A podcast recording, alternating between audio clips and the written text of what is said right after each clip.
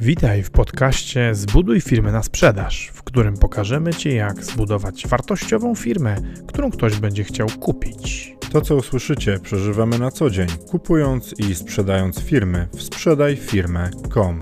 Zapraszamy, Paweł Korycki. Maciej Stępa. Lećmy, to pójdzie potem na to. No dobra. Dzień dobry. Dzień dobry, witamy Was serdecznie w poniedziałek. Jest 1 czerwca. Wszystkim życzymy Wam wszystkiego najlepszego z okazji Dnia Dziecka. Tak jest. Wszystkim, Ważne. wszystkim dzieciom, które prowadzą firmy. Tak, wszystkim dzieciom, które prowadzą firmy i ja myślę, żeby tego ducha dziecka jak najdłużej w sobie trzymać, bo żeby się nie wkładać w te ramy takiego sztywnego życia. Więc z okazji Dnia Dziecka życzymy Wam wszystkiego najlepszego. Eee, I jak po weekendzie u Ciebie? Ja z okazji Dnia Dziecka dostałem od Pawła krem do brody.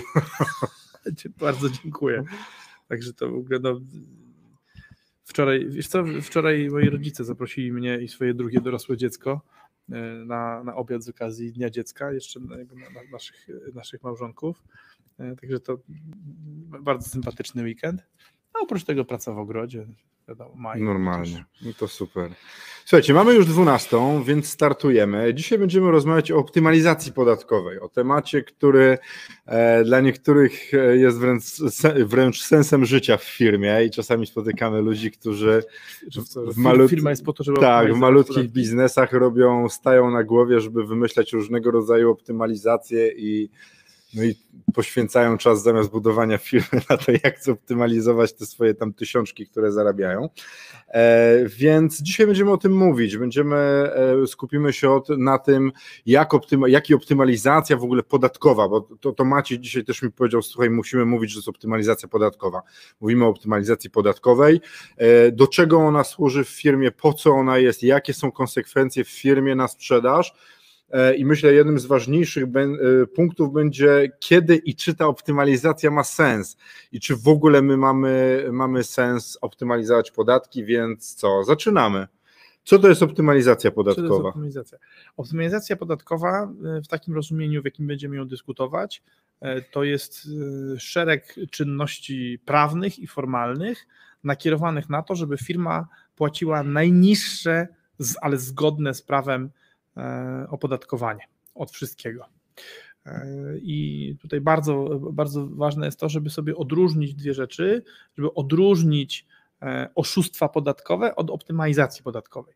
Jeżeli dążysz do tego, żeby rozliczać się zgodnie e, z panującym na, na świecie e, systemem podatkowym e, i e, chcesz się rozliczać zgodnie z literą prawa, e, natomiast chcesz płacić najmniej, jak to jest możliwe w ramach tego systemu prawnego, no to wtedy optymalizujesz. Jeżeli ukrywasz dochody, y, jeżeli e, fałszujesz rzeczywistość po to, żeby płacić mniejsze, podatki, no to w tej sytuacji e, jest to oszustwo podatkowe e, i o oszustwie podatkowym w kontekście sprzedaży firmy też będziemy wspominać, aczkolwiek e, no, będziemy się skupiać na, na- na, działaniach zgodnych z prawem, ponieważ jakby te działania rozumiemy. No, oszustami podatkowymi nigdy nie byliśmy i nie zamierzamy być. E, Nie interesuje nas tego rodzaju działalność. Natomiast optymalizacja podatkowa jest dla nas o tyle interesująca, że e, i praktykowaliśmy i doradzaliśmy w, w, tym, w tym obszarze, zarówno w strukturach e, polskich i międzynarodowych. E, I jeszcze pewnie mamy gdzieś tam przedeptane ścieżki, także w tej chwili e, coś nie coś o tej optym, optym- optymalizacji wiemy, ale mamy przemyślenia dotyczące optymalizacji e, z perspektywy długoterminowego czy długoterminowej strategii właściciela firmy na zarabianiu. I jesteśmy zdania, że, że są rzeczy, które w większości przypadków dają więcej zarobić za zainwestowane pieniądze i czas niż optymalizacja podatkowa, chociaż oczywiście jak zwykle potrafią w tej sprawie być, w tej sprawie być wyjątki, więc podsumuję jeszcze raz, optymaliz- mówiąc optymalizacja podatkowa, mamy na myśli e, celowe, e, przemyślane działania formalne i prawne, e, nakierowane na to, żeby od naszego biznesu płacić najmniejsze, e, zgodne z prawem podatki. To, to rozumiemy jako optymalizację podatkową. No i teraz y, po co, po co w ogóle ta, ta optymalizacja podatkowa przedsiębiorcom, Paweł? E, wiecie co, ja obserwuję e, przez lata pojawiania się w różnych miejscach, rozmawiania w ogóle z, z klientami na doradztwo, że tak jak wcześniej wspomniałem, niektórzy mają ogromną potrzebę niepłacenia podatków. Uznają wręcz, że e, podatki są złem i robią wszystko, żeby obniżyć ten podatek i często zapominają w ogóle o tym, jaki jest sens tego, no bo optymalizacja podatkowa powinna, tak jak Maciej powiedział, w ramach dozwolonego prawa i dozwolonych działań sprawiać, że będziemy jak najmniej oddawali fiskusowi, ale nasz system jest tak zrobiony, że gdzieś komuś na pewno będziemy coś oddawali, e, ale z założenia optymalizacja podatkowa ma sprawiać, że z przychodu w firmie zostanie jak najwięcej dochodu i jak najmniej tych pieniędzy zostanie gdzieś dalej później wytransferowanych za e, podatkowo. E, ale co, co ja rozumiem jeszcze przez, poda przez podatki, bo to nie jest tylko chyba do końca optymalizacja podatkowa. Mówimy o optymalizacji podatkowej, ale de facto ZUS też jest podatkiem. Jest to formą pobierania podatku od, od działalności, od ludzi, od prowadzenia biznesu, a na tym, a, a ludzie też się skupiają na tym, żeby nie płacić ZUS-u. Akurat temu się bardzo nie dziwię, no bo i ja i Maciej jesteśmy w takim wieku, że z tego ZUS-u to raczej za dużo pieniędzy nie zobaczymy i, i no, no, no, my i, trochę, my i troszkę, starsi, trochę, trochę starsi od nas ludzie i, i młodsi y, nie powinni jakoś tam szczególnie liczyć na, y, liczyć na emerytury, czy tam na bogate emerytury z ZUS-u, a to, to wiadomo. Natomiast y, ja, ja, też myślę, ja też myślę o ZUS-ie bardziej jako o podatku, niż, e, no bo oczywiście tam wielokrotnie, wielokrotnie rządzący gdzieś tam, rządzący i reprezentanci samego ZUS-u próbują nam sprzedawać e, ZUS jako ubezpieczenie, no ale co to za ubezpieczenie, które jest proporcjonalne do, do, do dochodów, gdzie z kolei świadczenia nie są wprost proporcjonalne. To, to tam, to, proporcjonalność, proporcjonalność świadczeń jest zaburzona, E, natomiast, natomiast proporcjonalność składek jest, jest bezpośrednia, czyli jeżeli zarabiasz więcej, płacisz więcej, tam osta- kiedyś było tak, e, a wiesz, że ja już straciłem rachubę, czy w końcu ta, ta 3,5-krotność średniej krajowej została zniesiona, teraz składki się już płaci od, od no nie wiem. Tak. Nie mam pojęcia, mnie za to zastanowiła inna rzecz, czy, się, czy zmieniło się to, że można dziedziczyć w końcu to z ZUS-u pieniądze? Nie, one idą wek, po prostu znikają. OFE było dziedziczone, a E, a y, to konto podstawowe nie, no OFE już nie ma e, i tam resztki są rozmontowywane, w związku z czym, inaczej, no ZUS, to, ZUS tak naprawdę ZUS, y, czy te składki ZUS e, spełniają większość kryteriów, większość kryteriów obciążenia podatkowego. Także są raczej bardziej, bardziej, bardziej podatkiem niż, niż nie podatkiem. E, a to jest duży komponent y, obciążeń pracodawców. No dobra, ale to, dobra, czyli co? Y, twoim zdaniem y, optymalizacja po co jest? Żeby pieniędzy więcej właściciel w firmie miał, zostawało, tak. W firmie? A nie przypadkiem po to, żeby właściciel miał więcej pieniędzy? Najpierw zostaną w dobrze ułożonej firmie, najpierw zostaną w firmie, a potem weźmie je właściciel. A ja się nie zgadzam, bo zobacz, bo jeżeli, bo jeżeli wdrażasz optymalizację, która się, są różne optymalizacje, mhm. E, jeżeli wdrażasz optymalizację, która, która e, jakby przebudowuje strukturę kosztów, czyli zwiększa strukturę kosztów, mhm no to ty zmniejszasz pieniądze, które są w firmie na rzecz właściciela, nie? czyli budujesz taką strukturę kosztów, która te, te pieniądze transferuje do właściciela. Przepraszam, że się z tobą nie zgadzam publicznie. Nie, ale... no, nie no pewnie, że tak, ale aczkolwiek to, to zależy od tego, jak sobie zbudujemy tą optymalizację y, podatkową. Możemy zrobić tak, że te pieniądze zostaną po prostu e, w firmie, ale z drugiej strony w biznesach, którymi my się zajmujemy, czyli w małych i średnich przedsiębiorstwach, to właśnie chodzi o to, żeby u właściciela zostało najwięcej pieniędzy, no bo to jemu zależy na tym, żeby, żeby tą kasę mieć, a nie żeby ona gdzieś leżała, leżała w firmie. Słuchajcie, znaczy, no, skoczymy chyba można, do... Można powiedzieć tak, że no, inaczej, inaczej optymalizuje korporacja, inaczej optymalizuje prywatna firma. No, korporacji, korporacji zależy na tym, żeby pieniędzy było najwięcej w korporacji i na drugim miejscu u, y, u właścicieli akcji, a z kolei, a z kolei w prywatnej firmie chodzi o to, żeby było najwięcej pieniędzy w kieszeni, w kieszeni właściciela. Niemniej koniec, niemniej koniec końców y, chodzi, chodzi właściwie, właściwie zawsze o to, o to samo, czyli żeby główny beneficjent miał więcej pieniędzy. Teraz mamy tak. Aga pisze nam: Hej, cześć, witamy cię serdecznie. E, Mikołaj Chorbowy, jak to powiedział kiedyś Gwiazdowski, pracowałem w ZUS-ie, w ZUS-ie nie ma nic. A to prawda, bo ZUS nie ma swoich pieniędzy, a do tego jeszcze te pieniądze y, no, więcej wydaje niż zarabia. O, to jest też ciekawostka, bo my e, pomimo propagandy odwrotnej dokładamy jeszcze z budżetu państwa do ZUS-u. On co, co roku ma tam jakieś miliardy przerzucane są normalnie z budżetu, a nie tylko ze składek. Mhm. Maciej, cześć Macieju. Naszemu pokoleniu pokoleniu zostanie tylko emerytura obywatelska, ktoś, kto w, ktoś, to w końcu wprowadzi równowartość dzisiejszego tysiaka dla każdego, obojętnie czy płaciłeś dużo składki, czy żyłeś z zasiłku. A wiesz co Maciej, ja dzisiaj to sprawdzałem, bo w 2019 znowu pojawił się taki projekt PiSu i ja nawet myślałem, że to już przeszło, że y, wszyscy będą mieli emeryturę bez względu na to, czy, y, czy się w, zrobiło tą wysługę lat, to 25 lat mhm. i, i tak dalej, ale chyba nie, ale jeśli tak, to nas poprawcie, bo faktycznie takie projekty są bardzo popularne, bo one są popularne jak 500+, plus, słuchajcie, no, każdy będzie miał emeryturę. Yeah! Super, nie pracujmy w związku z tym. Tomasz Nowicki, cześć, witamy Cię Tomku, trawnik wykoszony, można posłuchać. No to zapraszamy. Słuchajcie, no to lecimy dalej. Optymalizacja podatkowa, czyli sprawianie, żeby ci na końcu mieli jak najwięcej pieniędzy, ale my chcemy mówić o tej, która jest zgodna z prawem, bo e, masa optymalizacji, które są sprzedawane, które są przedstawiane i o których się mówi, wcale nie jest zgodna z prawem. I e, nawet doradcy, którzy je sprzedają i, i Sami byliśmy na kilku takich wydarzeniach, gdzie ktoś opowiadał o, o, o, e, o, optymalizacjach międzynarodowych, spółkach za granicą i tak dalej. I to wszystko trzymało się kupy do momentu, kiedy o czymś zapomniał dopowiedzieć. Nie? To, i te, nie, te rzeczy były legalne, ale nie do końca ktoś o tym mówił, tak, z przymrużeniem takie, oka. One były legalne, tak jak piwo jest bez, jak piwo bezalkoholowe. Tak, e, ale łódka Balls. Tak, tak. łódka Balls. I, I stadnina WTK Soplica. Tak. To też było mocne.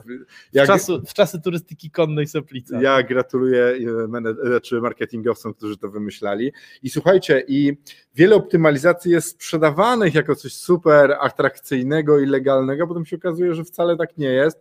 E, na co ja bym teraz coraz bardziej uważał, bo potrzebne są w państwie pieniądze. Mamy kryzys, e, więc urzędy skarbowe zaraz zaczną się upominać o to, że fajnie by było, żeby wszyscy płacili podatki i tu piję do różnego rodzaju biznesów, które na przykład e, są zarejestrowane za granicą, a pracują w Polsce ludzie, to zacznie wybuchać. To już wybuchało przed, e, przed, e, przed kryzysem, a teraz w kryzysie, kiedy nie ma pieniędzy, to dopiero się zacznie bałagan i, i poszukiwanie kasy. Wiecie, no, bo państwo będzie poszukiwało. Tak, państwo poszukuje pieniędzy, a wiecie, to ja myślę, że teraz przejdziemy do tego, kiedy optymalizacja ma sens i wtedy się popastwimy nad różnego rodzaju optymalizacjami, które obserwowaliśmy i które widzimy. Tylko wyraźnie wyróżniliśmy e, optymalizację podatkową od oszustwa, tak, gdzie, gdzie optymalizacja to są działania e, zgodne z prawem, ale co jest ważne,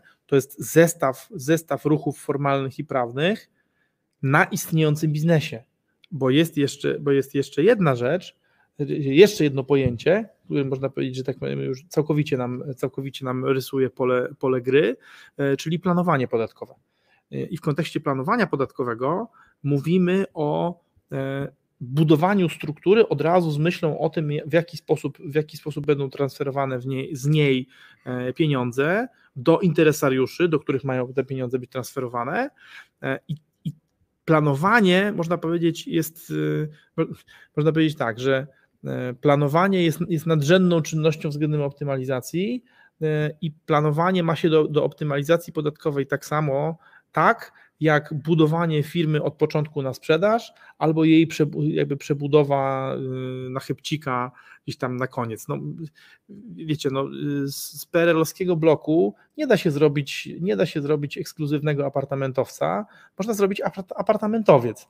E, natomiast no, pe pewnych rzeczy po prostu się nie, się nie przebuduje. I teraz to, o czym Paweł powiedział, czyli e, zainteresowanie władz e, w tej chwili samooptymalizacją będzie, będzie prawdopodobnie spore, dlatego że czym się różni optymalizacja jeszcze od planowania? W planowaniu od samego początku Twój przepływ pieniędzy jest taki jaki, taki, jaki ma być docelowo, w związku z czym nie ma tam skoków A optymalizacja zazwyczaj niestety wiąże, no bo żeby, żeby ona miała skutek realny dla kieszeni, no to musi dotyczyć duż, dużej części, dużej części e, dochodów e, bądź kosztów firmy, w związku z czym e, jest, jest zauważalna. No jeżeli firma miała milion zysku, a teraz pokazuje pół miliona zysku, no to w oczywisty sposób kontrolujący widzi, że coś się wydarzyło. I teraz pytanie, czemu zysk spadł, skoro obroty wzrosły, przykład. Mhm. Czemu firma więcej sprzedaje, a, a mniej zarabia? Co tutaj się wydarzyło? No i pewne rzeczy można, pewne rzeczy można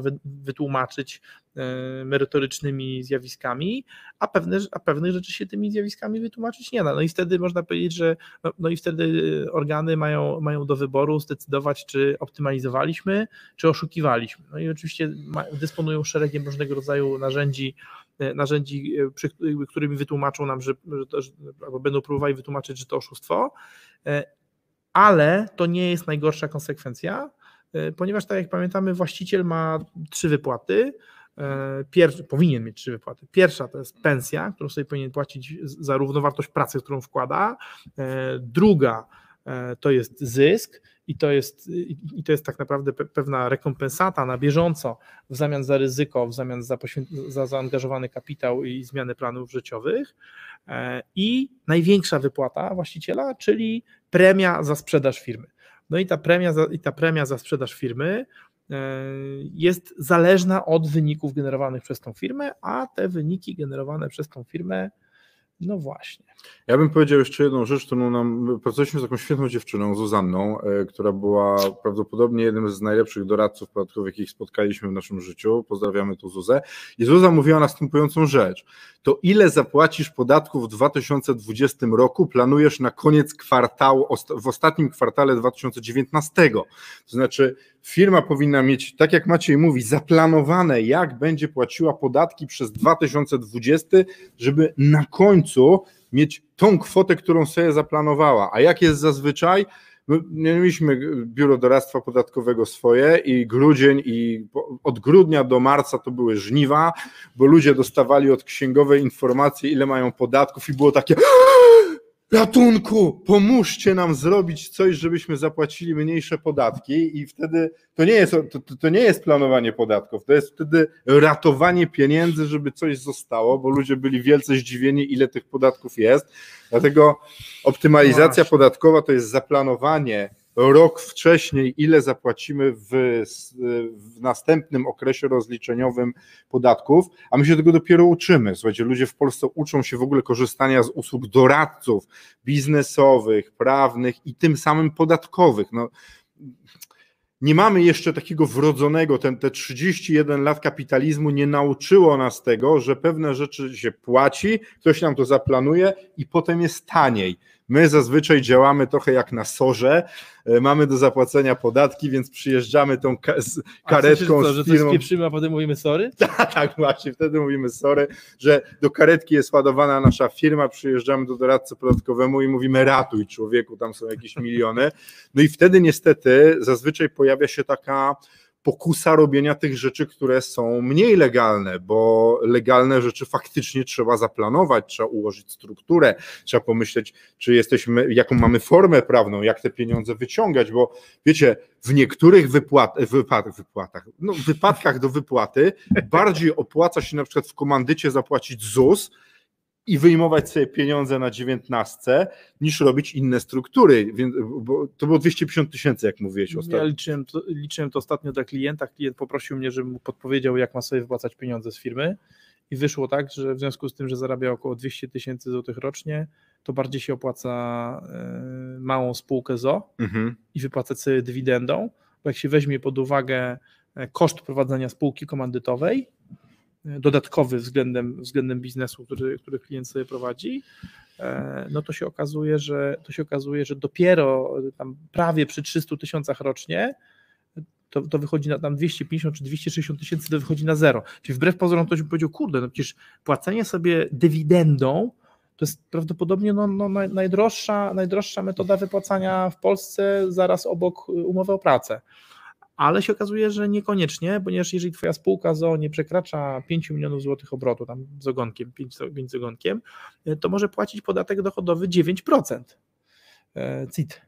Więc jeżeli, więc jeżeli płacić 9% CIT-u i od, i od tych 91% zysku netto zapłacisz 19, no to efektywne, efektywne opodatkowanie wchodzi 25,5.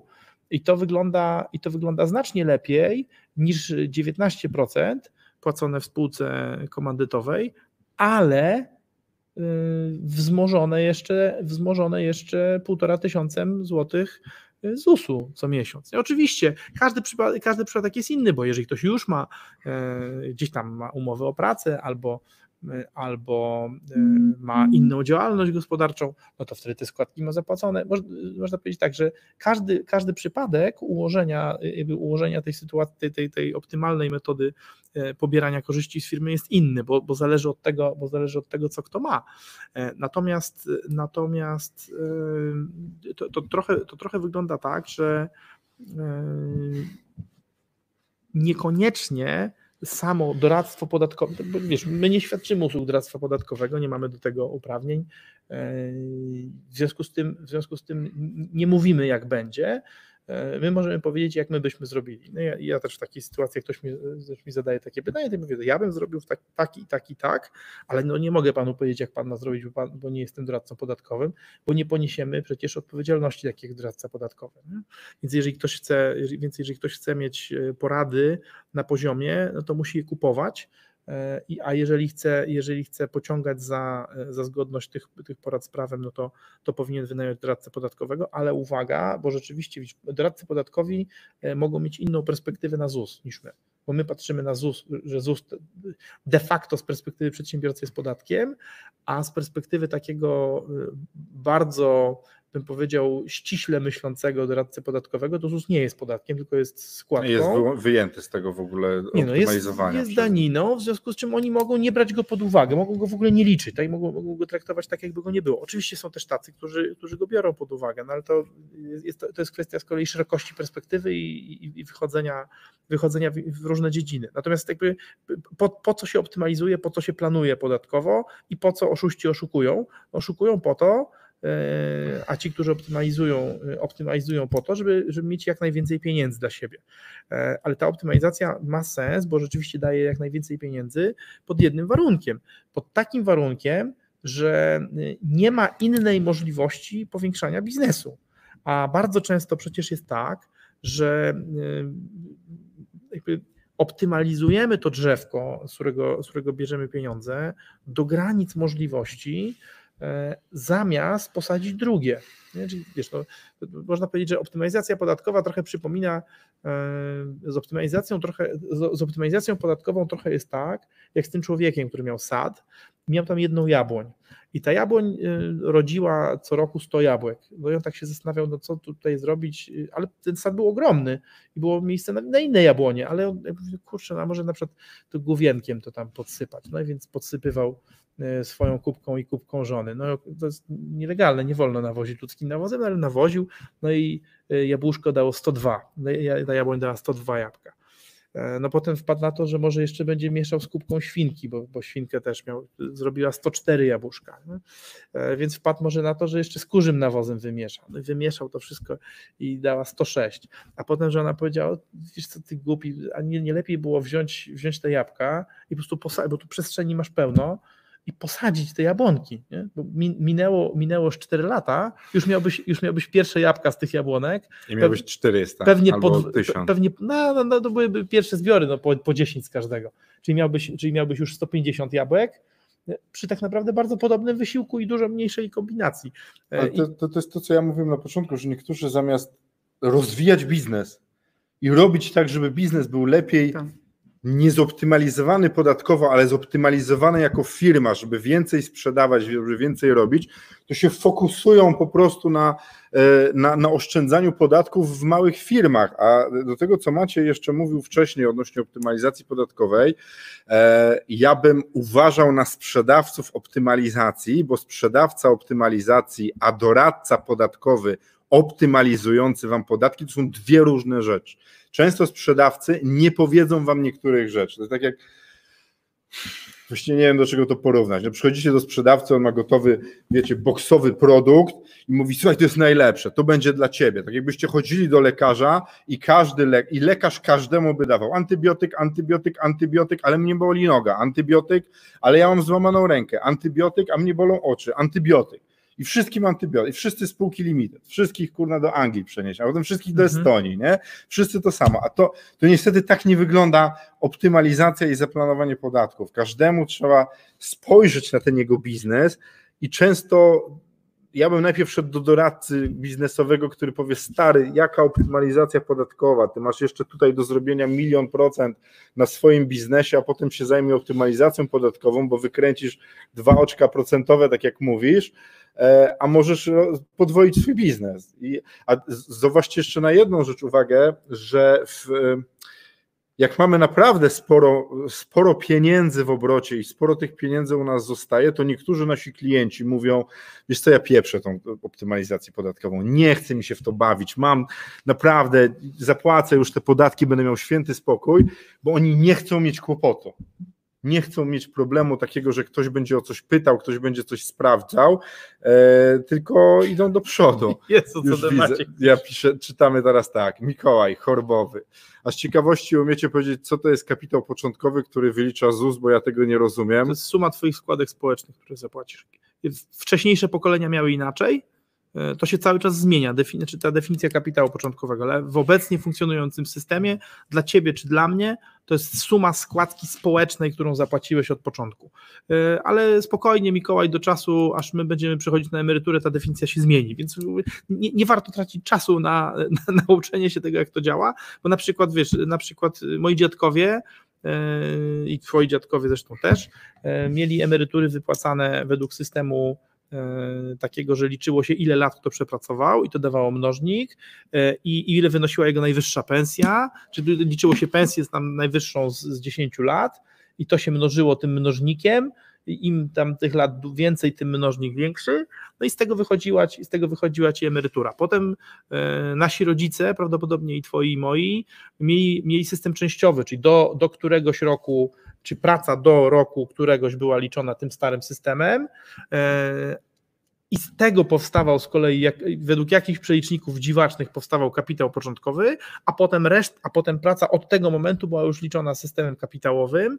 System hybrydowy, jeszcze jakaś, po, drodze jeszcze chyba był ktoś, kto był liczony, to był to przekierowanie z telefonu filmowego, e, był liczony systemem e, hybrydowym, czyli takim, że w ogóle część, część kwoty miał liczoną, e, część kwoty miał liczoną tym starym systemem i od razu wypłacaną, a resztę tym systemem kapitałowym.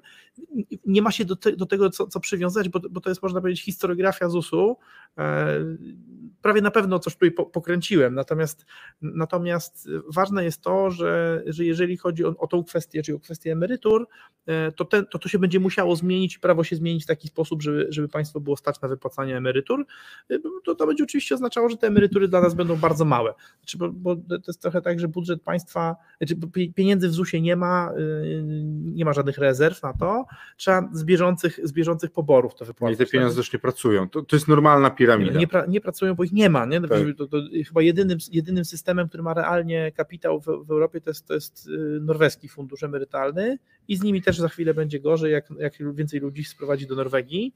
E, bo oni, bo oni też nie mają tych pieniędzy ze składek głównie, tylko mają głównie y, z ropy. Tego dorzucenia pieniędzy przez państwo tak. do każdej emerytury. Tak, no więc a, a my, my, mamy, y, my mamy tak, że tylko oni mają, oni mają to nie najgorzej sformułowane, natomiast, natomiast my nie mamy ta, ta, takich rezerw, ta, no był taki plan, żeby z łupków pieniądze. No tak, ale Europa kiedyś się może skończyć. Ale się okazało, że nie mamy, że tych łupków nie ma. W sensie są, ale, ale są niewystarczająco atrakcyjne. To w każdym razie, y, w każdym razie klamrując kwestię emerytury, nie bardzo jest sens się przyglądać aktualnym przepisom, bo na pewno do czasu y, naszej emerytury one się zmienią i, i na pewno się zmienią na gorsze. Ale zobacz, w ciągu naszego życia, mojego życia pracowego powstało OFE, były składki, było sprzedawanie OFE i nie ma OFE. A słuchajcie, ja jestem na rynku pracy 20 y, lat w tej chwili, że gdzieś pracuję, no to No, to, to, a będę pracował jeszcze z 40. No to naprawdę nie przyzwyczajajcie się do tego, co, jak teraz jest e, ZUS zrobiony. E, Arco pisze, Cześć. dzień dobry, witamy Cię. E, a Maciej pisze następującą rzecz. Prawdziwy patriota nie płaci podatków. Głodzi system trawiący jego ojczyznę. I słuchajcie, to jest takie mocno wolnościowe myślenie, aczkolwiek ja ostatnio w obecnym kryzysie przyjrzałem się niektórym wolnościowcom, którzy z kolei pobiegli po pożyczki do państwa na utrzymanie swojego biznesu e, i e, to tak jak w ulicy Sezamkowej obecny odcinek sponsorowała literka H jak hipokryzja, to znaczy nie chcemy płacić podatków, ale weźmiemy pożyczkę, która się odbywała, więc e, dobra, lecimy. Wróć do mnie, proszę. Wiesz co, ja, ja, się nie do końca zgadzam e, z tym, wiesz, z tym, że to jest hipokryzja, to jest trochę bardziej skomplikowane, bo, trochę, bo, bo zwróć uwagę, że problem zrobiło państwo, a nie epidemia. Nie rozumiem, tylko że wiesz, jest mówienie, nie bierzemy z Unii Europejskiej pieniędzy, nie bierzemy z państwa, a potem ale, lecimy pod bezzwrotną ale, pożyczkę. Ale jeszcze raz, ponieważ państwo ci zabroniło opracować.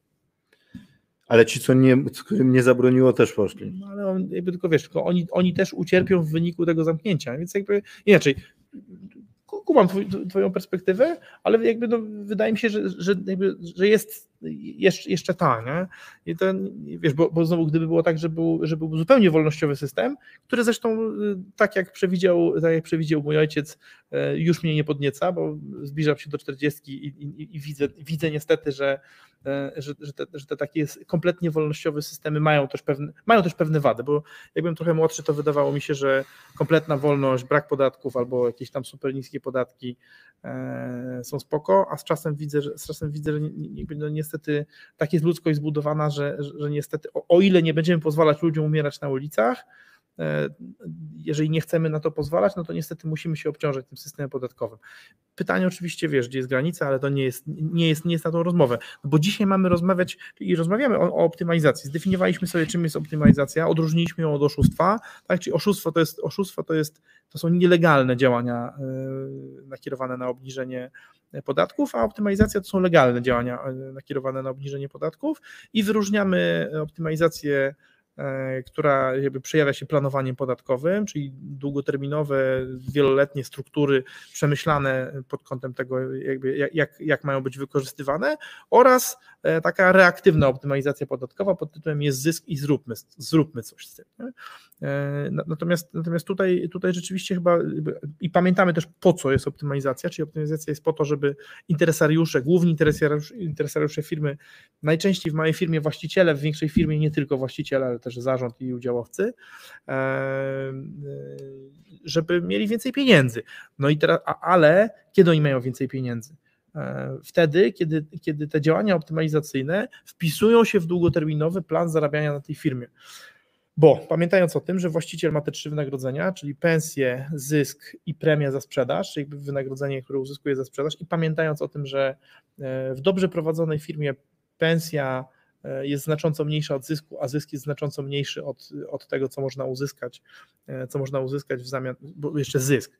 Nie zysk, tylko część zysku, który można wypłacić, bo o, o tym trzeba pamiętać, że całego zysku się e, technicznie w rozwijającej firmie się nie da wypłacić. Zresztą rozwijające się firmy zazwyczaj jedzą kapitał znacznie szybciej niż go, niż go no, zarabiają. Więcej, nie? potrzebują zewnętrznego kapitału często do optymalnego rozwoju, żeby że, móc rosnąć. Tak, żeby w ogóle móc tak. sfinansować tak. wzrost. Jestem teraz świeżo po lekturze E, tej e, biografii Phila Knighta, czyli tego współzałożyciela Nike. E, no i, no i to w zasadzie on tam przez większość książki mu brakuje pieniędzy. Tak. Mimo tego, że firma rośnie razy dwa co roku, to ciągle nie ma pieniędzy. Ciągle nie ma pieniędzy. Dopiero w zasadzie można powiedzieć, książka kończy się publiczną emisją i, i wtedy jakby wtedy. wtedy no tak, ale on sprzedał wtedy firmę. Kawałek duży kawałek, tak, no. sprzedał duży kawałek, ale, ale to mu faktycznie rozwiąza, rozwiązało, problem, rozwiązało problem z gotówką.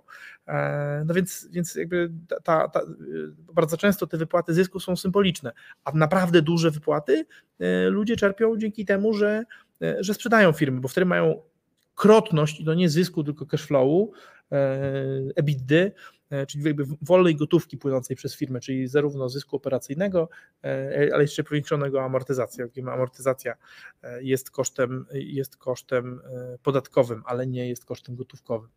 bo, bo potrąca kwoty, które już kiedyś dawno poniesione. No i co? No i teraz wtedy, wtedy ma sens optymalizacja, jeżeli ona się wpisuje jeżeli ona się wpisuje w długoletni plan zarabiania. A co się może wydarzyć? E, przede wszystkim już na, już na poziomie tej pensji i zysku e, może być tak, że e, całkowity koszt wdrożenia optymalizacji przewyższa korzyści z niej wynikające. No bo większość, większość przedsiębiorców, z którymi się zetknęliśmy, myślała, e, myślała o optymalizacji w ten sposób. Albo jej nie lubiła bardzo i w sensie e, etycznie jakby znak równości między oszustwem i optymalizacją, ale myślę, że to jest, to jest kwestia pewnego niezrozumienia i zbytniego uproszczania świata. A druga część ją fetyszyzowała i nie patrzy, i wdrażała po prostu wszelkie, wszelkie rozwiązania obniżające podatki, nie patrząc na to, ile one tak naprawdę kosztują. No bo całkowity koszt wdrożenia, wdrożenia rozwiązania obniżającego podatki to oczywiście po pierwsze e, koszty fakturowe, czyli to, to, co trzeba zapłacić doradcom, e, którzy ci to wymyślą, albo samemu sobie w godzinach e, na, na, pracę koncepcyjną. Po drugie, co trzeba zapłacić wdrożeniowcom, zazwyczaj prawnikom księgowym, którzy odpowiednie umowy wdrożą, w, w odpowiedni sposób przeformułują, przeformułowują strukturę firmy, czy to polską, czy zagraniczną.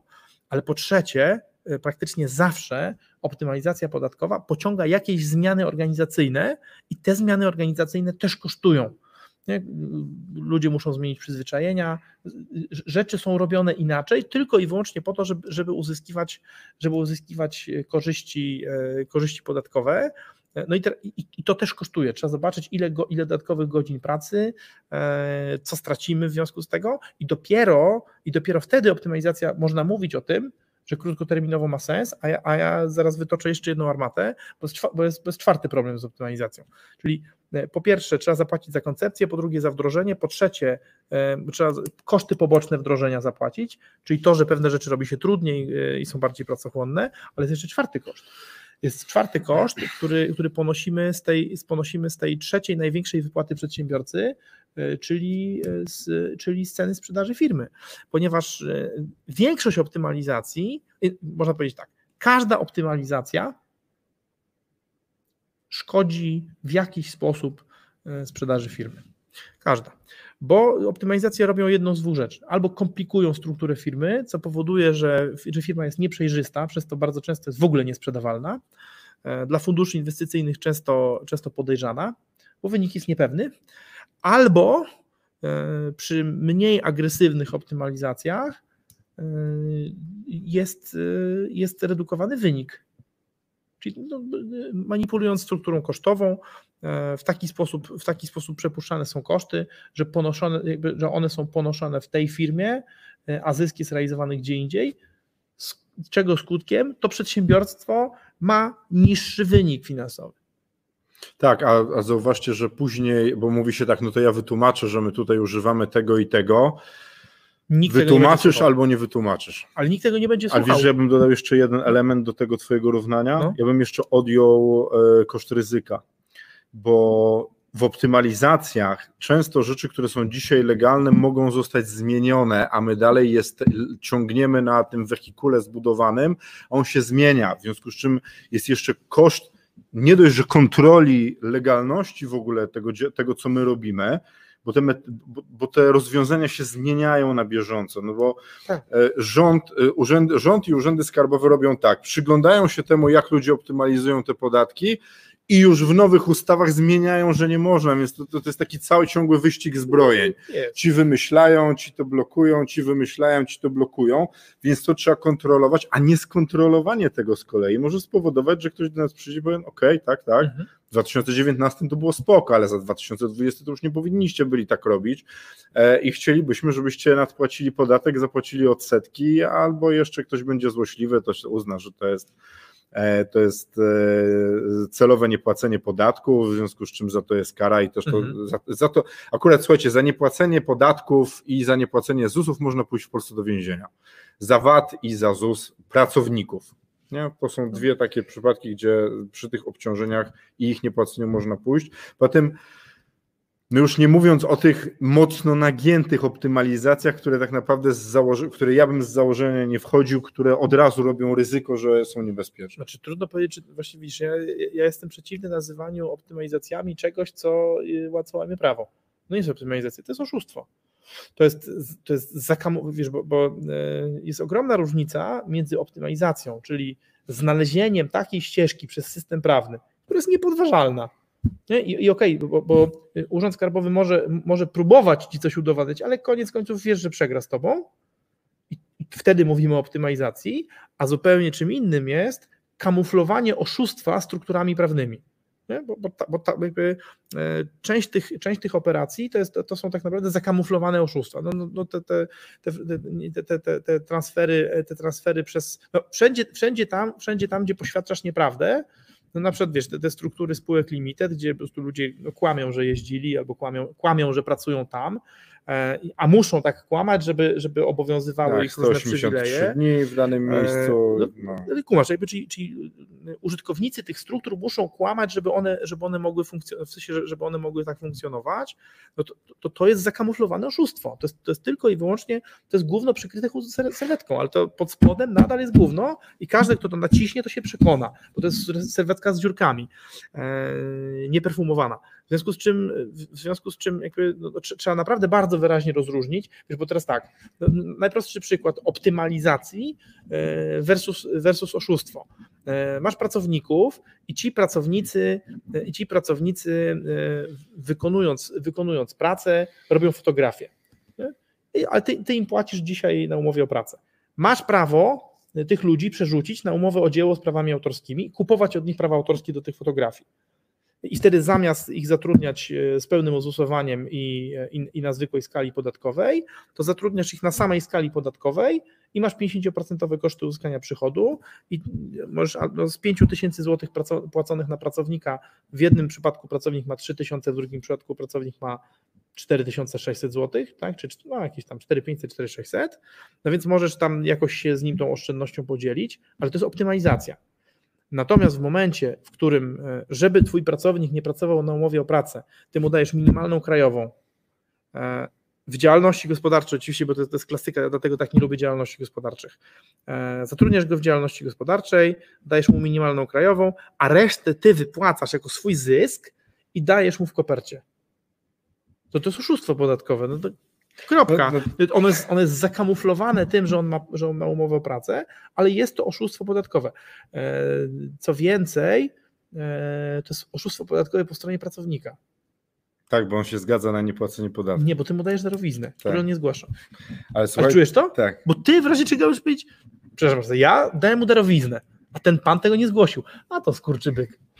No, a, a, oczywiście Pipa uzna, że to jest nasza wina, bo my jako pracodawca no, nie, nie, nie zatrudniamy. A to jest sytuacja z życia wzięta, bo jakiś czas temu, w zeszłym roku przyszedł do nas pan e, i mówi, że ma firmę 10 milionów e, przychodu i tam, tam 20% to był zysk i my tak go słuchamy i on opowiada, co, co tam się dzieje u niego w tej firmie i dosłownie patrzymy na to i to jest niemożliwe. No ma pan fantastyczny biznes, i potem się okazało, gdzie te pieniądze są. Czy, czy nas przyjmie w ogóle na asystentów nie? w takim no biznesie? Właśnie, nie?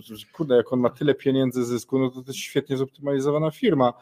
No i się okazało, co, co było. No, pracownicy dostawali pieniądze pod, pod stołem i to jest tak często powtarzająca się, powtarzający się schemat w, w, w ogóle w polskich firmach, które są pozornie rentowne, a takich firm się nie da później sprzedać. To tam trzeba wyciągać zorganizowaną częścią przedsiębiorstwa y, to, co działa i wystawiać w inną firmę, bo nikt nie kupi sześciu lat w tył problemu podatkowego i chyba nawet 10 lat ZUS-u, który, który może wybuchnąć w tył, to trzeba bardzo strasznie uważać na takie rzeczy. To wiecie, no, ktoś kupując przyjrzy się tym rzeczom, jak zobaczy, że wy macie ZUS-y normalnie niepłacone od pełnej kwoty, to się złapie za głowę jest, i powie, Boże. Jest sporo jest, biznesów nie? w Polsce niestety, które właśnie, y, dlatego też nie lubię działalności gospodarczej, bo, bo, bo działalność gospodarcza pozwala osiągać pozorne zyski, ponieważ wszelkie, wszelkie kwoty płacone na czarno są traktowane przez księgową jako zysk właściciela i opodatkowane tym, no zazwyczaj tym podatkiem na skali 19%,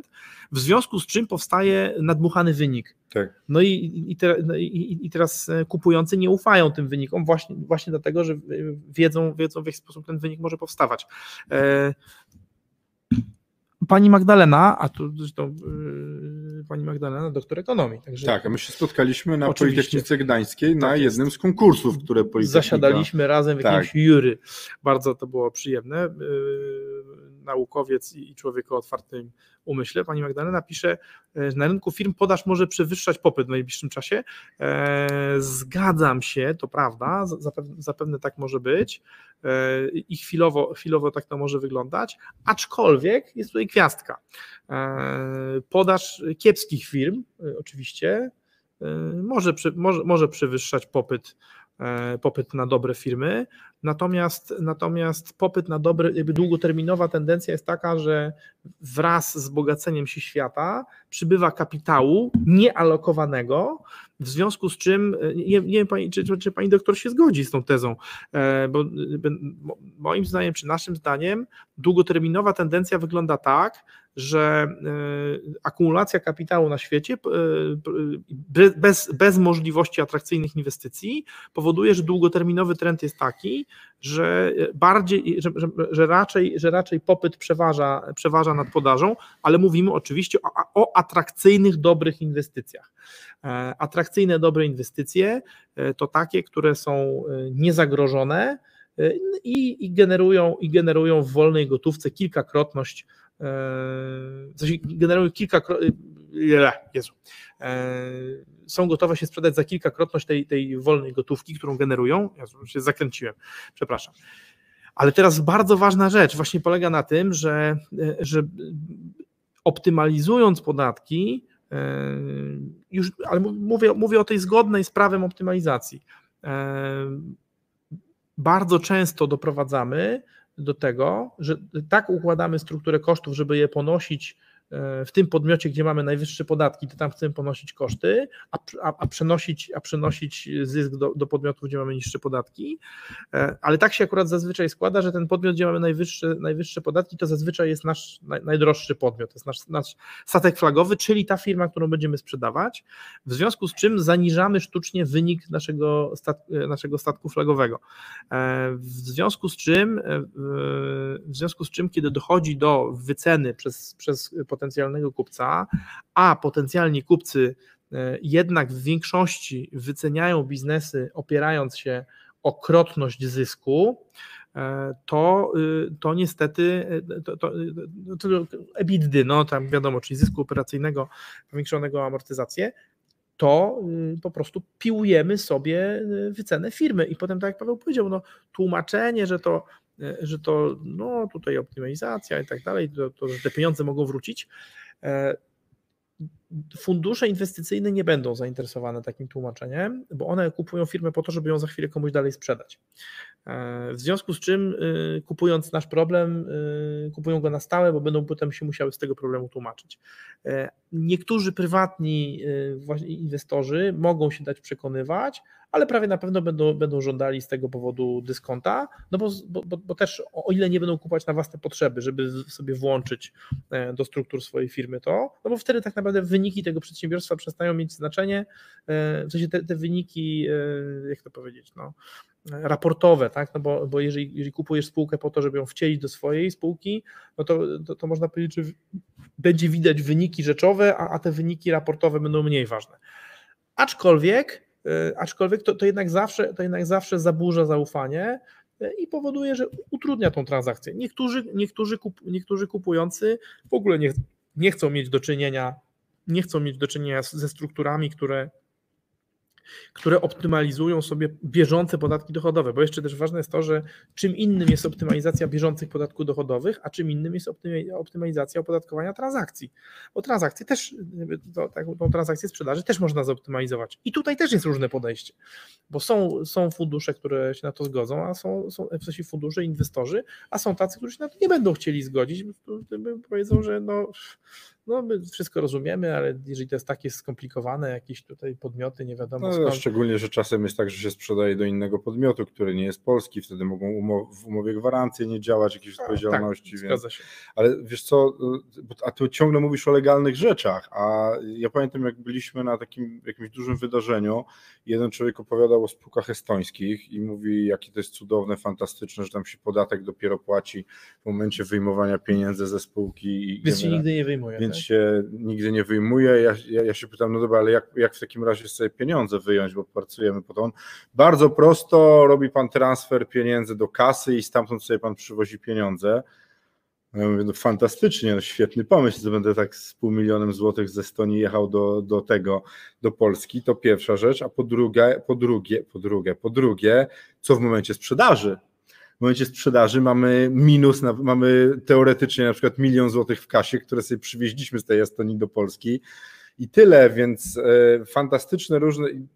Ja się uczuliłem, wiesz co, na sprzedawców optymalizacji. Może, może niekoniecznie dobrze, bo, bo, bo są pewnie tacy, którzy robią fajne rzeczy, ale ja mam opór przed e, fantastycznie wszyscy idźmy do Estonii, prowadźmy firmy w Estonii, fantastycznie spółki limited, a no, sami jak mieliśmy doradztwo podatkowe, to już wtedy, dwa lata temu przychodzili ludzie, którym, którzy mówią, słuchajcie, urząd skarbowy u mnie był, prosili o wyciągi kont, zobaczyli, że na koncie prywatnym, znaczy na koncie, które jest e, firmowe, ja wypłacam pieniądze w polskich bankomatach i koniec, bo wiecie, u nas też istnieje takie e, przeświadczenie, że w urzędzie skarbowym to debile pracują. Oni niestety ani nie są debilami, e, Ani nie pracują. nie, to już, przepraszam, to już żart. No tak, ale mają coraz lepsze systemy wychwytujące. Oni z trzy lata temu, z tego co pamiętam, uruchomili taki system skanujący, który sobie chodzi i ogląda różne rzeczy, potem wpadło JPK i co? No i JPK w ogóle pouszczelniało pewne rzeczy, ale ta, ten, ten system fiskalny jest coraz bardziej zamknięty i coraz więcej urzędy skarbowe wiedzą tego, co się u nas dzieje, w związku z czym e, ja bym uważał na takie w cudzysłowie januszowe optymalizacje, bo one będą wybuchać. One wybuchną ludziom w twarz i się okaże, że to ryzyko przerośnie w ogóle e, to, co my zyskamy, bo ludzie nie liczą ryzyka często, to jest fajne, atrakcyjne tam e, i żeby sobie optymalizować w jakiś sposób, na przykład przez te spółki zagraniczne, a potem to będzie wybuchało, a już nie mówiąc o tym, że jak szykujemy później firmę na sprzedaż, to wszystko będzie transparentne, bo ktoś sobie przyjdzie, zrobi due diligence i zrobi to takimi ludźmi, którzy po, patrząc na wasze przepływy będą Albo nie wiedzieć- będzie. I jeżeli, a, A jak i, nie będzie i to, będzie to tym już, gorzej dla nas. to tym gorzej, bo to wtedy już nie udowodnicie, bo jeszcze pół biedy faktycznie, jak wy możecie pokazać, to jest zrobione tak i tak, tu są dokumenty i tu lądują pieniądze na moim koncie, to być Tak. może ktoś na mam to spojrzy. opinię, mam opinię proszę ciebie tej firmy prawnej Baker McKenzie, że to jest wolne i oni tutaj podpisali się pod tym. Okej, no, mogą być takie optymalizacje podatkowe, które są w świecie korporacyjnym przyjęte, tak, jakby zaakceptowane. Wiecie, no bo na przykład trzeba pamiętać o tym, że e, wielki świat korporacyjny też optymalizuje, tylko że są, są optymalizacje właśnie, jak powiedział Januszowe, ja bym powiedział dziadowe. E, ja, ja myślę, że w ogóle musimy temu zmienić, bo Janusz myślę, to musimy fajni tym- goście, Januszom tak, odpuścić. Mój ojciec, dziadowe. mój ojciec ma przyjaciela, y, który ma na imię Janusz, e, takiego jego mentora właściwie. Mentor mojego ojca ma na imię Janusz. I Powiem ci, że za, każdym razem, jak mówię o tym Januszu, to mi tak coraz, y, coraz jest bardziej coraz jest bardziej niewyraźnie. ale nie uczył go Januszowych optymalizacji. Nie. Nie. Nie, nie, ale tak sobie myślę, co by było, jakby ludzie tak mówili Maćkowe, nie? Na przykład, jak gdyby się śmiali z Maćka, że to. no Ale w sumie to już było nawet, nie? Maciuś, Maciuś, co się stało, co się stało. Nie, ale faktycznie możemy zmienić na dziadowe, tylko wiecie co, jeszcze weźcie pod uwagę jedną rzecz. E, Etykę, bo w korporacjach e, jest odpowiedzialność zbiorowa. Apple nie zapłaciło podatku w Europie, czyli kto nie zapłacił, kurna? On? Ja? Nie, tam, Apple. tam etycznie wszyscy mają to w pompie. Apple. Apple. Apple. E, i, I zobaczcie, i ich po pierwsze, tam, tam nie ma odpowiedzialności człowieka, czyli nikt nie czuje się gorzej przez to, że nie zapłacili, bo ci pracownicy powiedzą, ok, no my dostajemy pensję i gdzieś tam, E, a z drugiej strony e, taka duża firma, jak dostanie później kary, to oni sobie to policzyli w ryzyku. Po prostu. E, Oni próbują, nie udało się, no dobra, 10 miliardów euro, wyskoczymy, zapłacimy. No nie wyszło, no. ktoś nie dostanie prowizji za dobrą optymalizację i tyle, albo policzą mu pozostałe lata, kiedy się udało. E, I ja na to bym też zwracał uwagę, żeby się na tych wielkich nie wzorować, bo tak samo jak sprzedaż wielkich nie działa na małych, tak samo optymalizacje wielkich nie, prawdopodobnie nie ustoją przy małych, bo was może nie być stać na kancelarię e, Korycki and Stempa tylko po angielsku, którzy będą was dziś tam kurna ratować, wiecie, w tych urzędach skarbowych i będą mieli niesamowite zespoły, bo, bo was nie stać. No, to jest tak samo jak reklama w telewizji nie sprzedaje dla MŚP, po prostu no, trzeba tych reklam walić. A co ty myślisz o, naszy, o naszym doświadczeniu? Nie, w ogóle, w ogóle o reklamach, w bardzo drogich rzeczach. To, co działa dla korporacji, niekoniecznie no będzie niestety, działało. Wiesz, dla... Bo niestety nasze doświadczenie z reklamą, sprawdziliśmy, nagrałeś reklamę w telewizji, e, zaprojektowaliśmy reklamę w radio, i efekt dla nas, e, przy tym budżecie, który byliśmy gotowi na to przeznaczyć, to dla nas rezultatem, był rezultat. Zadzwonił, zadzwoniły trzy osoby, żadna z nich nie jest klientem, tak? tak. A z radia zadzwoniło pięć osób, wszystkie próbowały nam sprzedać więcej reklamy w radio.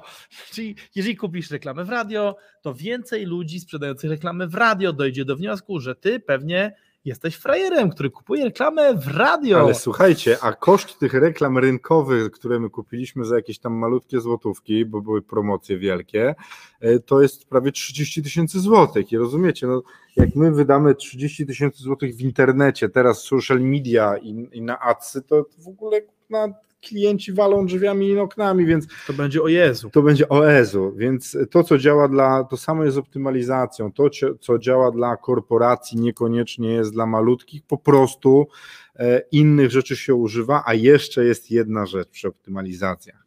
Im macie więcej pieniędzy, tym są dostępne lepsze optymalizacje, które są wykonane w bardziej profesjonalny sposób, ale one dużo kosztują.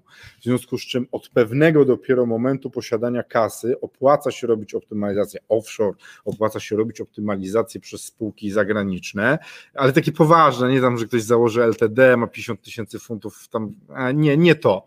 Inne rzeczy, ale one są takie, że one się non-stop zmieniają. Non-stop, tam ktoś cały czas trzyma co, rękę na pulsie, lat, tak. teraz jest wypłata, potem, potem już się nie da tak zrobić, więc ktoś nad tym działa.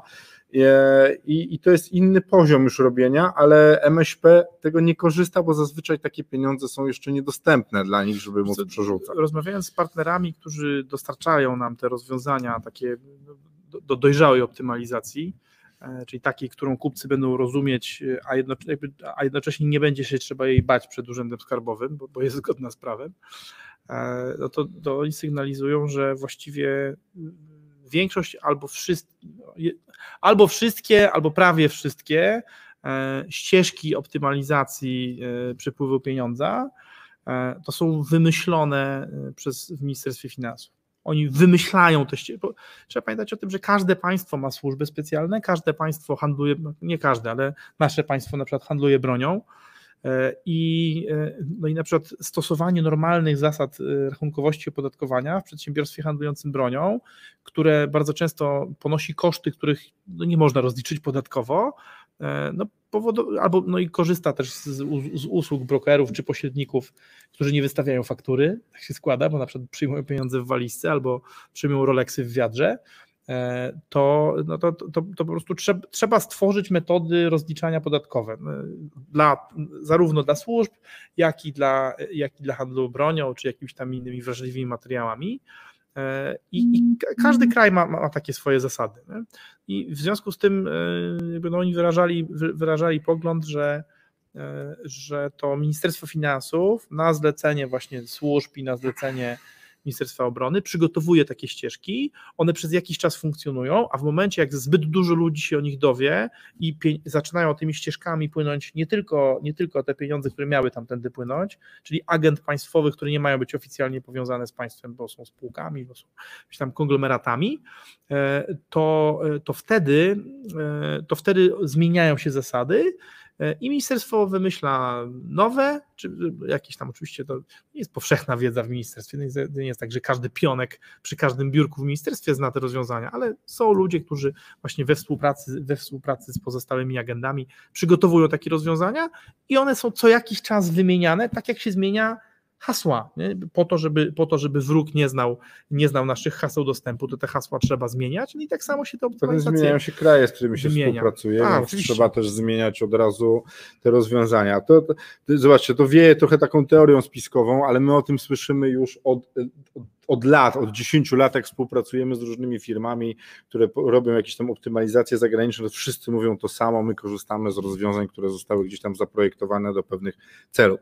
Słuchajcie, robimy podsumowanie 12.57, cieszymy się, że byliście z nami, więc tak, e, co to jest optymalizacja i po co jest? Optymalizacja ma sprawiać, żeby właścicielom albo ludziom, którzy posiadają akcje i w jakiś inny sposób, inną formę prawną są e, właścicielami firmy, żeby u nich zostawało więcej pieniędzy na końcu. E, to, po to jest optymalizacja. Optymalizację robi się po to, żeby tej kasy było więcej. My nie polecamy optymalizacji, które są nielegalne, po prostu nie chcemy tego, nie chcemy tego nikomu robić ze względu na ryzyka, bo to później wybucha. Znaczy, Przede wszystkim trzeba pamiętać o tym, że nie ma nielegalnych optymalizacji. Je, jeżeli, Jeśli coś nie jest nielegalne, to to, nie jest oszustwo. optymalizacja. Znaczy, oszustwo, no. nie, nie, nie, nie należy się bać dużych Prawda. słów. Nie? Po prostu, a, oszust, a oszust podatkowy, oszustwa podatkowe odradzamy podwójnie, bo po pierwsze jest za to odpowiedzialność e, majątkowa, karna, a jeszcze w dodatku e, nikt firmy, która oszukiwała na podatkach, nikt o zdrowych zmysłach oprócz innego oszusta nie będzie chciał kupić, a w związku z tym oczywiście wartość tego, tego, tego co się buduje znacząco spada. Ale nawet uczciwie robiona optymalizacja, jeżeli nie jest przemyślana, i właśnie szkodzi parametrom, które, które kupujący uznają za ważne, no to może powodować, że koniec końców zarobimy na tym wszystkim znacznie mniej, e, jak ten facet, który miał pełno wolnej działki, a, a po prostu ciągle się upierał o, no, o to, żeby tam różnymi nawozami nawozić to swoje drzewko, zamiast, zasie, zamiast zasiać więcej drzewek. E, I, i- i tak e, pokrótce, jakby, ja, mam, ja mam taką myśl o optymalizacji, że e, najpierw zasiej drzewkami swoją działkę, potem zobacz, czy można za rozsądne pieniądze kupić inne działki dookoła, e, kupię, też je zasiej drzewkami i dopiero, dopiero jak, już, jak już będziesz zbierać plony, wszystkie, które jesteś w stanie zbierać, już nie będziesz się w stanie ro, ro, roz, rozszerzać, bo obok, będzie in, bo obok będą inne sady, no to wtedy, to, to wtedy kombinuj z optymalizacją. Nie? Czyli jak już nie ma innego wyjścia, kiedy, kiedy, kiedy już nie, ma, nie można wdrożyć aktualnie nowych technologii, nie można wejść na nowe rynki, nie można zdobyć nowego sektora, no to wtedy, to wtedy można się zastanawiać nad, nad optymalizacją, ale też z bardzo dużą, z bardzo dużą dozą wiesz ostrożności, pamiętając o tym, żeby jeżeli budujesz firmę na sprzedaż, żeby sobie nie podciąć nóg. Ale zobaczcie jeszcze jedną rzecz, to co Maciej mówi, jeśli wasza firma jest atrakcyjna na rynku i wy macie ceny jakie macie tylko dlatego, że optymalizujecie w jakiś sposób albo oszukujecie i dlatego wypracujecie, to to jest do dupy. No tak, firmy To jest do kitu. To ta firma jest mało warta, jeśli wy musicie robić optymalizację różnego rodzaju, ale nawet legalną optymalizację podatkową, żeby, żeby być atrakcyjnym na rynku. No, znaczy, je, je, jest, wiesz, no, tak, tak, tak y, klamurując i to, wiesz, to trochę właśnie dając takie rady z perspektywy, no, zwróć uwagę, że myśmy, myśmy wszystkich pracowników zatrudniali legalnie. Ani razu nie mieliśmy pracownika na czarno, ale wszystkich pracowników mieliśmy zatrudnionych na jakichś dziwacznych tam metodach. nie? Chodzi o działalnościach, fakturach i tak dalej.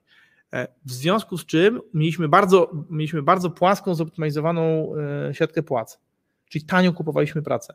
Ale przez to mo- mogliśmy, przez to mogliśmy tanio sprzedawać, ale, ale, ale, to, ale to źle, bo, bo chodzi o to, że przez to, przez, to, że, przez to, że zbyt mocno poszliśmy w kierunku optymalizacji tej kosztowej przy, przy pomocy, przy pomocy, między innymi przy pomocy optymalizacji podatkowej, e, to, to, to nam pozwoliło na kontynuowanie błędu biznesowego, jakim było zbyt tanie sprzedawanie produktów. I to jest pułapka, że optymalizacja e, w firmie na bieżąco, oprócz tych długoterminowych konsekwencji, ta zupełnie legalna, taka, do której się nikt nie przyczepi, e, niesie ze sobą jeszcze ryzyko tego, że będziesz hodować paździerz, że, e, że pieniądze, które uzyskasz, będziesz, będzie, wy, będziesz wykorzystywać do tego, żeby utrwalać paździerz. Czyli zamiast przebudować, nie, zamiast przebudować swój dom na ładny domek z cegły e, z ceramiczną dachówką, ty będziesz po prostu podpierać paździerzowe ściany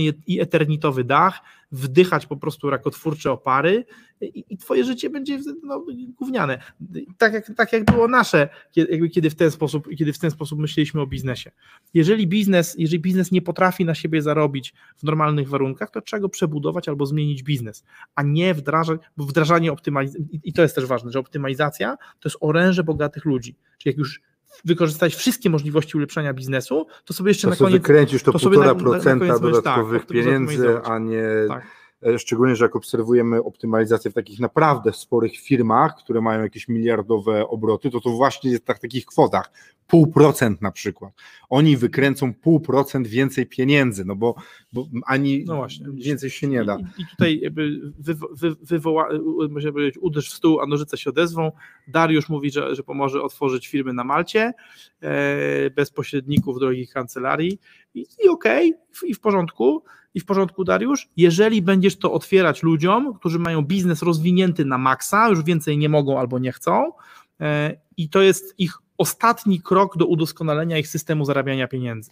Ale ktoś, kto, ktoś, kto by zaczynał biznes od rozpoczęcia współpracy z Dariuszem, e, czyli e, pierwszy krok to optymalizacja podatkowa, no to musi się liczyć z tym, że jego biznes po prostu niestety będzie optymalny podatkowo, ale nie będzie optymalny biznesowo. Więc najpierw optymalizacja biznesu, potem optymalizacja podatków, ale znowu tylko i wyłącznie wtedy, jeżeli ona nie szkodzi Twojemu długoterminowemu planowi biznesowemu, jeżeli w Twojej perspektywie jest sprzedaż firmy, to warto się zastanowić, czy to się na pewno opłaca. Jeżeli chcesz trzymać, to takie usługi jak te, o których, o których pisze Dariusz, być może są dla Ciebie. Słuchajcie, ja na koniec podam, jak według nas wygląda wzór na w ogóle optymalizację, która ma sens. To jest zysk z optymalizacji minus koszty optymalizacji minus czas, jaki spędzicie nad obsługą tej optymalizacji, minus ryzyko z tej optymalizacji, minus stratę, jaka się pojawi w związku z tą optymalizacją w momencie sprzedaży